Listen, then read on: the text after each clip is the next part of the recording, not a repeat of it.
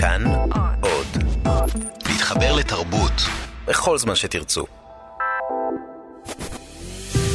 70 שנה, 70 ספרים. סדרת הסכתים על הספרים האהובים והמשפיעים מאז קום המדינה. מגישות שירי לב-ארי וענת שרון בלייס. מר מאני, מאת א' ב' יהושע. בדיוק, ורק בשביל הסיפור הזה חזרתי הביתה היום. בשביל הסיפור המזעזע הזה. ש... הרומן מר מאני, שראה אור בשנת 1990, בנוי מחמש שיחות הנערכות בזמנים שונים, מובילות אותנו הקוראים מ-1982 אחורה, עד לשנת 1848. אם אדם נניח פותח דלת של בית זר והוא מבחין במשהו נורא שמזעזע אותו, השיחה הראשונה מתקיימת בשנת 1982 בקיבוץ משאבי שדה שבנגב, בין הגר שילה, סטודנטית, שאביה נהרג במלחמת ששת הימים, לבין אמה. הגר מספרת לה על אודות ביקור בביתו של השופט מאני, אביו של החבר שלה. הנה השחקנית ירדן בר כוכבא. מיהרתי לזרוק שוב את השם של אפי, של הבן שלו, ואת השליחות שהוא הטיל עליי. כן, ש... ומר מאני לא אמר כלום, וכבר התחיל לסגור בחזרה את הדלת. השיחה השנייה נערכת בשנת 1944 במהלך מלחמת העולם השנייה בין אגון ברונר, חייל נאצי השוהה בכרתים הכבושה, לבין סבתו. אגון מספר לה על משפחה יהודית אחת. Am liebsten würde ich dir vor Freude um den Hals fallen, aber wir werden von allen Seiten beobachtet und wir müssen Haltung bewahren. השיחה השלישית מתנהלת בירושלים בשנת 1918 בין לוטנט הורוויץ, פרקליט צבאי בריטי, ממוצא יהודי, לבין השופט שיכהן במשפטו של אדם בשם יוסף מאני, המואשם בבגידה בבריטים. Sir,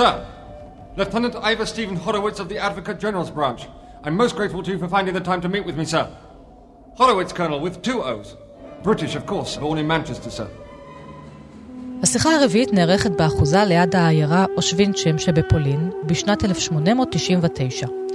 דוקטור אפרים שפירו, ששב ממסעו לבאזל וירושלים, מספר לאביו על מפגש עם הרופא דוקטור משה מאני. הודו תתה. איתו דרכו מאוד. לבנק קלנר סופי. השיחה החמישית מתקיימת באתונה, בשנת 1848. הסוחר אברהם מאני מגיע מירושלים לביתו של הרב שבתאי הדיה, שלקה באירוע מוחי, והוא משוחח איתו ועם אשתו פלורה. הנה הוא בגילומו של יהורם גאון בשפת הלדינו. Donna Flora! Solo por un punto! Donna Flora! Para hablarle un poco! לכאורה, כל אחת מן השיחות עומדת בפני עצמה, כל אחת היא סיפור בודד, אבל הרצף שלהן על פני תאריכים בעלי משמעות בהיסטוריה היהודית והציונית, הופכים את הספר לרומן משפחתי, שיש בו גם ניסיון לאתר איזה גן. ליתר דיוק, פגם גנטי העובר בין הדורות וקשור במשפחת מאני על ענפיה השונים. ניסיון להבין את הזהות המאנית שאינה מרפה, להבין מהי משפחה כאשר היא נושאת בחובה סוד אפל. חוקרת הספרות פרופסור ניצה בן דוב, שערכה את קובץ המאמרים בכיוון הנגדי שהוקדש לרומן מר מאני, אומרת כי כל אחד מהמאנים מייצג אידיאולוגיה שונה באשר לציונות. נושא השיחות הוא מר מאני, אחד מהמאנים. יש פה חמישה מאנים, כאשר בכל תקופה מר מאני שונה מהבן של הנין ועד מר מאני הראשון. מר מאני אינו עוד רומן המציע דיאלוגים רגילים, אלא יש כאן חמש שיחות חסרות. כלומר, אנו עדים רק לצד אחד בשיחה, רק לקול אחד, למונולוג, ואילו את הצד השני עלינו לדמיין, להשלימו בכוחות עצמנו. ובאמת, כאשר אני דיברתי עם חברים וסיפרתי להם שאני הולך לכתוב רומן, ש... שיהיו חמש שיחות ושיהיה, נשמע רק את הקול הדובר האחד, הם אמרו לי, זה לא יעבוד, מה אתה מסתכן? ואני ראיתי שלא הסתכנתי, אלא שבאמת אה, קיבלתי גמול על כך. יהושע כתב ספר שבו הקורא הופך למעין סופר במהלך הקריאה. ברגע שאתה מעביד את הקורא, הוא מתחיל להיות מושקע גם בספר בצורה יותר עמוקה, ולכן הקשר שלו לספר נעשה עמוק יותר. הסופר א' ב' יהושע קורא מתוך השיחה הראשונה של הגר, שבמהלכה נדמה כי יש כאן יותר מדאגה לשלומו של השופט מר מאני. קשה לי להגיד גם עכשיו, כי מין גרדום היה מוכן שם. כן גרדום. בדיוק מה שאת שומעת. כלומר, ראשית, החדר היה שם בבלגן נורא. בלגן היסטרי אפילו. המיטה פרועה לגמרי, אבל פרועה כאילו מישהו השתולל בתוכה. אבל העיקר, אמא, התריס, תריס של חלון גדול שהיה מוגף כולו, ללא חרך אחד, ולמעלה פעור הארגז שלו ללא מכסה, חושף את הבטון הגס בלי הטיח, ואת הפנים של העץ הלא צבוע, ומתוך הארגז אימא, על מות הברזל המתגלגל תלויה הרצועה, רצועת התריס, כמו זו של התריס פה. אלא שם הרצועה רחבה וחזקה יותר, עשויה מחבל צהבהב כזה, עם שני פסים דקים אדומים לאורכה, והיא תלויה לגמרי לבד, משוחררת, מחוץ לתריס, וכבר בלי קשר אליו, ובקצה מוכנה לולאה גדולה, כמו עניבה שקושרים לצוואר. החוט שקושר בין חלקי הרומן, שלא לומר החבל, הוא נושא ההתאבדות. בשיחה הראשונה הגר חושדת כי השופט מאני מבקש להתאבד, ובשיחה האחרונה אברהם מאני שואל את הרב ודיה האם עליו להתאבד בשל המעשה הנורא שעשה. דור אחד אוחז בעקבו של הדור הבא ואינו מרפה. מאני, כמובן זה שם אה, ספרדי ידוע. כמובן שזה מניה דיפרסיה מצד אחד, מניה אובססיה, כן? אנחנו יודעים שכל הגיבורים של א' ב' יהושע הם כולם לא רגועים. כולם רוצים משהו ורודפים אחרי המשהו עד חורמה. גם העניין הכלכלי מאוד חשוב במרמני, ולכן אה, זה מאני מאני. וישנה גם הקבלה בין משולש היחסים אב, בן ובת זוג, שקיים בשיחה הראשונה, לזה שקיים בשיחה האחרונה. לא, זאת לא הזיה, אמא, זה בשום פנים ואופן לא הזיה. כי אני במבט אחד, אני ראיתי את הזוועה שהיא גם ההסבר לחרדה של אפי, כי אני... אני הפסקתי את האבא שלו, את האדון מאני הזה, מלהרוג את עצמו. כן, פשוט. האימא שלה לא בכלל חושבת שהכל פנטזיה, שהיא כל הזמן מחפשת אבא, ולכן היא נדבקה לאבא של החבר שלה. והיא פתאום חושבת שהאבא הזה, שעליו היא נשלחה בשליחות, הולך להתאבד. יהושע כתב את הספר הזה בחלקים. בתחילה הוא כתב את המונולוג של הקצין הבריטי, ואז הפסיק.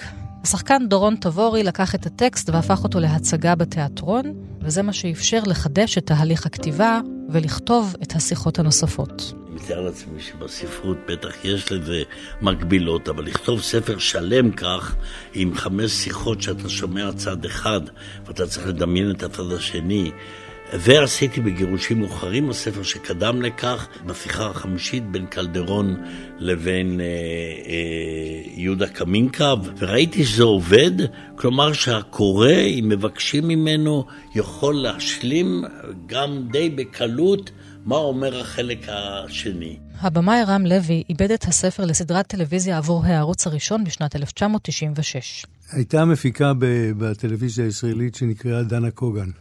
והיא uh, ראתה את ההופעה של דורון תבורי בתיאטרון, משחק את התפקיד של הקצין הבריטי, ואמרה זה יופי של נושא, פתק, לקחתי את התסריט, את המחזה, אמרתי אי אפשר לעשות מזה סרט. מונולוג שרק שומעים צד אחד, הכל מדובר, דיבורים, ואז יצא הספר וקראתי אותו ובלעתי אותו ואהבתי אותו אהבת נפש. א' ב' יהושע כתב ספר שבו למעשה הופך הקורא למעין סופר במהלך הקריאה. בתיאטרון יש דבר כזה שנקרא מונולוג, ושחקן יחיד שעולה על הבמה ומשחק דברים כאלה, בטלוויזיה זה לא כל כך מוכר. לוי וגלעד עברון יצרו חמישה פרקים שונים מן הפרקים שבספר. בכל פרק בסדרה יש קטעים מכל פרק בספר, משום שלטעמו העיבוד למסך דרש סידור מחדש של הרומן וגם עבודה עם שפות שונות. השחקנים המגלמים את הדמויות מדברים עברית, גרמנית, אנגלית, יידיש ולדינו. אחד הדברים הגדולים בספר של בולי זה העובדה שכל אה, דובר מדבר בשפת הספרות של אה, תקופתו ושל אה, של השפה שלו. אני ניסיתי לעשות אותו דבר עם השפה עצמה, ברגע שתרגמתי. אי אפשר היה לעשות סרט שאני נותן לשחקן גרמני בטלוויזיה הישראלית לדבר בעברית. ולהניח שהוא פשוט, אה, מה שאפשרי על הבמה, אי אפשרי, אי אפשרי בתוך הסיטואציה של קולנוע. אז לכן חשבתי שזה חשוב מאוד להשמיע את הקולות ואת השפות, כמו שאנשים מדברים בשפה שלהם. הנקודה הייתה כאן, במרמני היה העניין שקשור בצמתים השונים בהיסטוריה הציונית מ-1848 ואני תמיד שאלת אותי למה כתבתי חמש שיחות ולא שש שיחות או ארבע שיחות, וזה בגלל העובדה שכאשר אני מציג את עצמי בכל אוטוביוגרפיה או בכל אה, הצגה, דור חמישי בארץ, ככה אני קורא לעצמי, דור חמישי בארץ. אני גאה מאוד שאני דור חמישי בארץ, שאבות אבותיי הגיעו לפני שהרצל נולד. יש יוסף מאני אחר, בשיחה השלישית, שמראה להם את המפה. ואומר, זאת מפת ארץ ישראל, זאת מפת פלסטינה. בואו נקרא אותה. חצי לכם וחצי לכם. עדיין רלוונטי, כן? בואו נתחל... חלוקת הארץ. בואו נעשה מדינה לכם ומדינה לנו. זה הפתרון. יש מאני אחר שאומר, אנחנו רב-לאומיים, כן? בואו ניטמע. בואו, בואו לא נהיה כל כך יהודים. כל אחד, ויש את המאני האחרון, שהוא כבר מאני בלי אידיאולוגיה. מה שהוא בנה פה, חמש שיחות, שבכל שיחה מופיע מאני אחר, עם אידיאולוגיה אחרת, עם פתרון אחר לבעיה היהודית, הישראלית, הארץ-ישראלית. ולכו תבחרו איזו אידיאולוגיה אתם מאמצים לעצמכם. חמש אפשרויות. חשבתי שאני רוצה לראות את כל התקופות ההיסטוריות, את כל הדמויות, איך שהן מתפתחות. כי יש קשר בין מה שקורה בין, בין, בין דמות אחת לדמות השנייה, לשלישית ולחמישית. וגלעד עברון עשה את המעבר הזה. כלומר, הוא חתך את חמשת הפרקים לכל אחד לחמישה פרקים, והיו לנו 25 חלקים, שכל אחד מהם הייתה התחלה, אמצע וסוף, וכולם היו מבוססים על, הסיפור, על הסיפורים האלה. היחס לציונות בעבר ובהווה, היחס למדינת ישראל עוד בטרם היותה והיחס לערבים נוכחים לאורך הרומן. יוסף מאני מדבר על ארץ ישראל במאה ה-19 כשאין פה הרבה יהודים, אין פה בכלל יהודים. ולכן מה שהוא אומר, שהערבים והנוצרים וכל האחרים הם בעצם יהודים. הוא לא מקיים יחסים אשתו, כי הוא כל כך רדוף אחרי האידיאולוגיה שלו. והוא מפליא ונועז להיכנס בתוכם בכוח תשוקתו. התשוקה שלו לא מופנית לאשתו, אלא לאותה אידיאולוגיה. הליבידו שלו באידיאולוגיה. סיפור העקדה הנרמז בפתח הרומן מתגלה במלוא זוועתו בפרק האחרון, כאשר האב, הראשון בשושלת, אברהם מאני, הורג את בנו יוסף ושוכב עם כלתו תמרה כדי להקים לו דור המשך.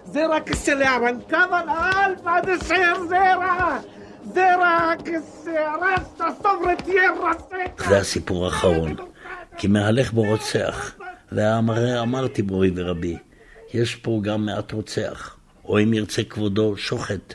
שוחט, בודק והורג. בסיום הרומן נחשף מעשהו של אברהם מאני, בזמן שהוא מדבר אל הרב שאינו עונה לו, הרב שכבר מת. ומאני הולך ומשתגע מעוצמת הווידוי. שמאז אותו לילה נמשך שוב ושוב לפגוש אותו בהמון ההולך מסמטאות ירושלים אצל בורות המים, סובב בכיכר שוק ומשקיף משערי העיר, וניצוץ האישון חולף כמו ברק. מנוד ראש בלא מילה. משתחווה מעט, משפיל עיניים, וצמרמורת לופת בו. וכמה נמשך הלב לפגוש אותו בכל מקום. במורדות העפר הלבנבן של סילואן, או בין הזיתים בדרך אפרתה. ויש אפילו שהתשוקה כה גדולה עד שחרש מתגנבות הרגליים לעת ערב אל הקונסוליה האנגלית. לשבת בחבורה הספרותית שלהם, לשמוע מפי גבירה אנגליה שבחיו של ספר האהבים רחוק, שאיש לא קרא ולעולם לא יקרא. רק על מנת לשוב ולהסתכל בלא מילה אחת באישוניו של זה העומד כצל דומם בפתח, הנושא זיכרון מראהו של בני האומלל, מנוח אהוב הנרקב למנוחתו, זה יוסף יחידי, שבאותו לילה ארור של שלג ודם, מי היה יכול להתאפק חכם חנניה שבתאי לרוץ בסמטאות אחריו, על מנת לנסות לעצור אותה הסתערות שבדיעבד הייתה נסיגה, אותה התגרות שלמעשה היא בריחה מפני עונש וכאב, שהוא מדמה אותה מתהפכים מעל מיטתו כמאכלת קוצפת וסבלנית. הרי בשל כך מצטרף שוחט אל שוחט.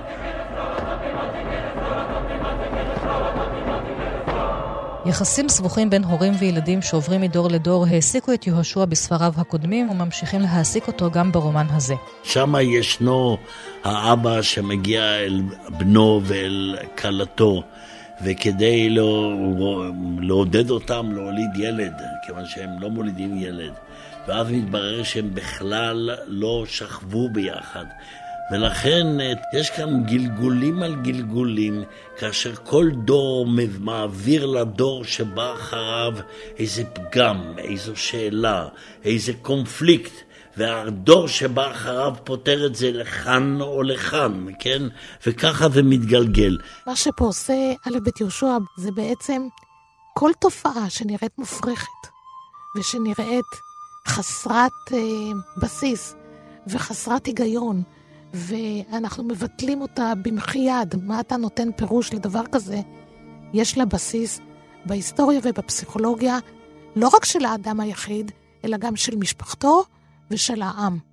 בעצם פה מה שעושה על בית יהושע, הוא מניח את העם היהודי על הספה ומראה לו שהמרמני הזה הוא בעצם גלגול של כל העם, ואת התופעות שנראות מופרכות. יש להם בסיס בהיסטוריה אם אתה מעמיק לחקור לאורך חמישה דורות אחורה.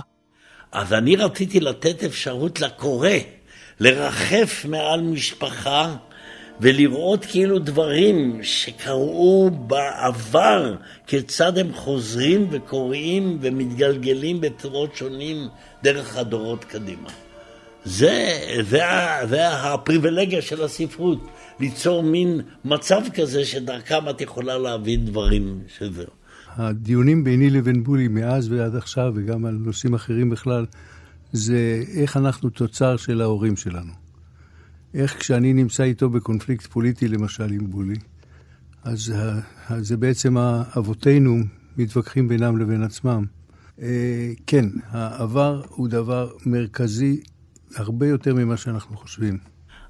אשתי המנוחה הייתה אנליטיקאית, ובאנליזה הרבה פעמים, הרבה פעמים זה מאוד מעניין, שיש, שיותר עוסקים בהורים מאשר עוסקים בילדים. ואז כאילו אני ניסיתי לעשות אנליזה לעם היהודי. לפני כל פרק ברומן יש דברי הקדמה, המתארים את הביוגרפיה של הדמות הדוברת. ובסיום הפרק יש מעין אפילוג עם פרטים משלימים עליה. זה המקום שבו הסופר מניח לקולה של הדמות ומשמיע את קולו שלו. דרכו אפשר להבין עוד דבר או שניים על סיפור חייה. הספר והסרט עוסקים בהיעלמויות. היעלמות שאני חשבתי שהיא אחד הדברים הכי מעניינים בספר. ההיעלמות של הדובר השני, שלא, שלא רואים אותו, אלא רק שומעים אותו ולא יודעים מה הוא אומר, אלא רק מנחשים בעקבות מה שהתגובה של השחקן שכן רואים אותו, הדמות שכן רואים אותה. ההיעלמות שלו היא רק משהו קטן בהשוואה, שממנה צמח ההיעלמות העיקרית, היעלמות אלוהים. שזה, שזה, משם זה צמח. כלומר, יש היעלמות, אנשים, כל אחד מהדמויות נעלם להם משהו, או מישהו. אבל העיקר זה בסופו של דבר העובדה שמהרקע זה נמצא התנאים החילוניים שלנו, שאלוהים כאלו קיים. רצון להבין דברים שאנחנו עושים היום דרך אבות אבותינו שאנחנו לא מכירים אותם בכלל. כיצד העבר פועל עלינו בלי תודעתנו, כן? בלי תודעתנו. עד כאן התוכנית על הספר מר מאני מאת א' ב' יהושע. באולפן ענת שרון בלייס, תודה לכם ולהתראות. The door it opened slowly. My father, he came in. I was nine years old. And he stood so tall above me. Blue eyes, they were shining. And his voice was very cold. Said I've had a vision, and you know I'm strong and holy. I must do what I've been told. So we started up the mountain. I was running, he was walking, and his axe was made of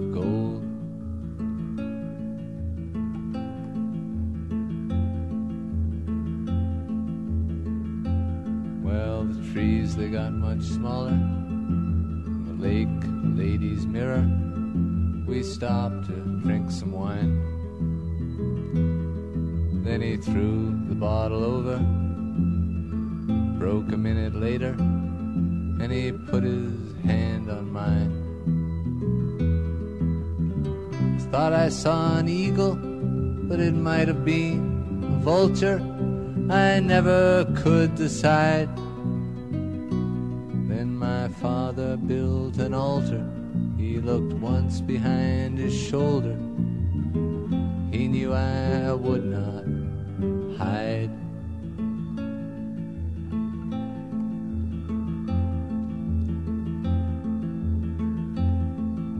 You who build the altars now to sacrifice these children, you must not do it anymore. Scheme is not a vision, and you never have been tempted by a demon or a god. You who stand above them now, your hatchets blunt and bloody, you were not there before when I lay upon a mountain and my father's hand was trembling with the beauty of the word.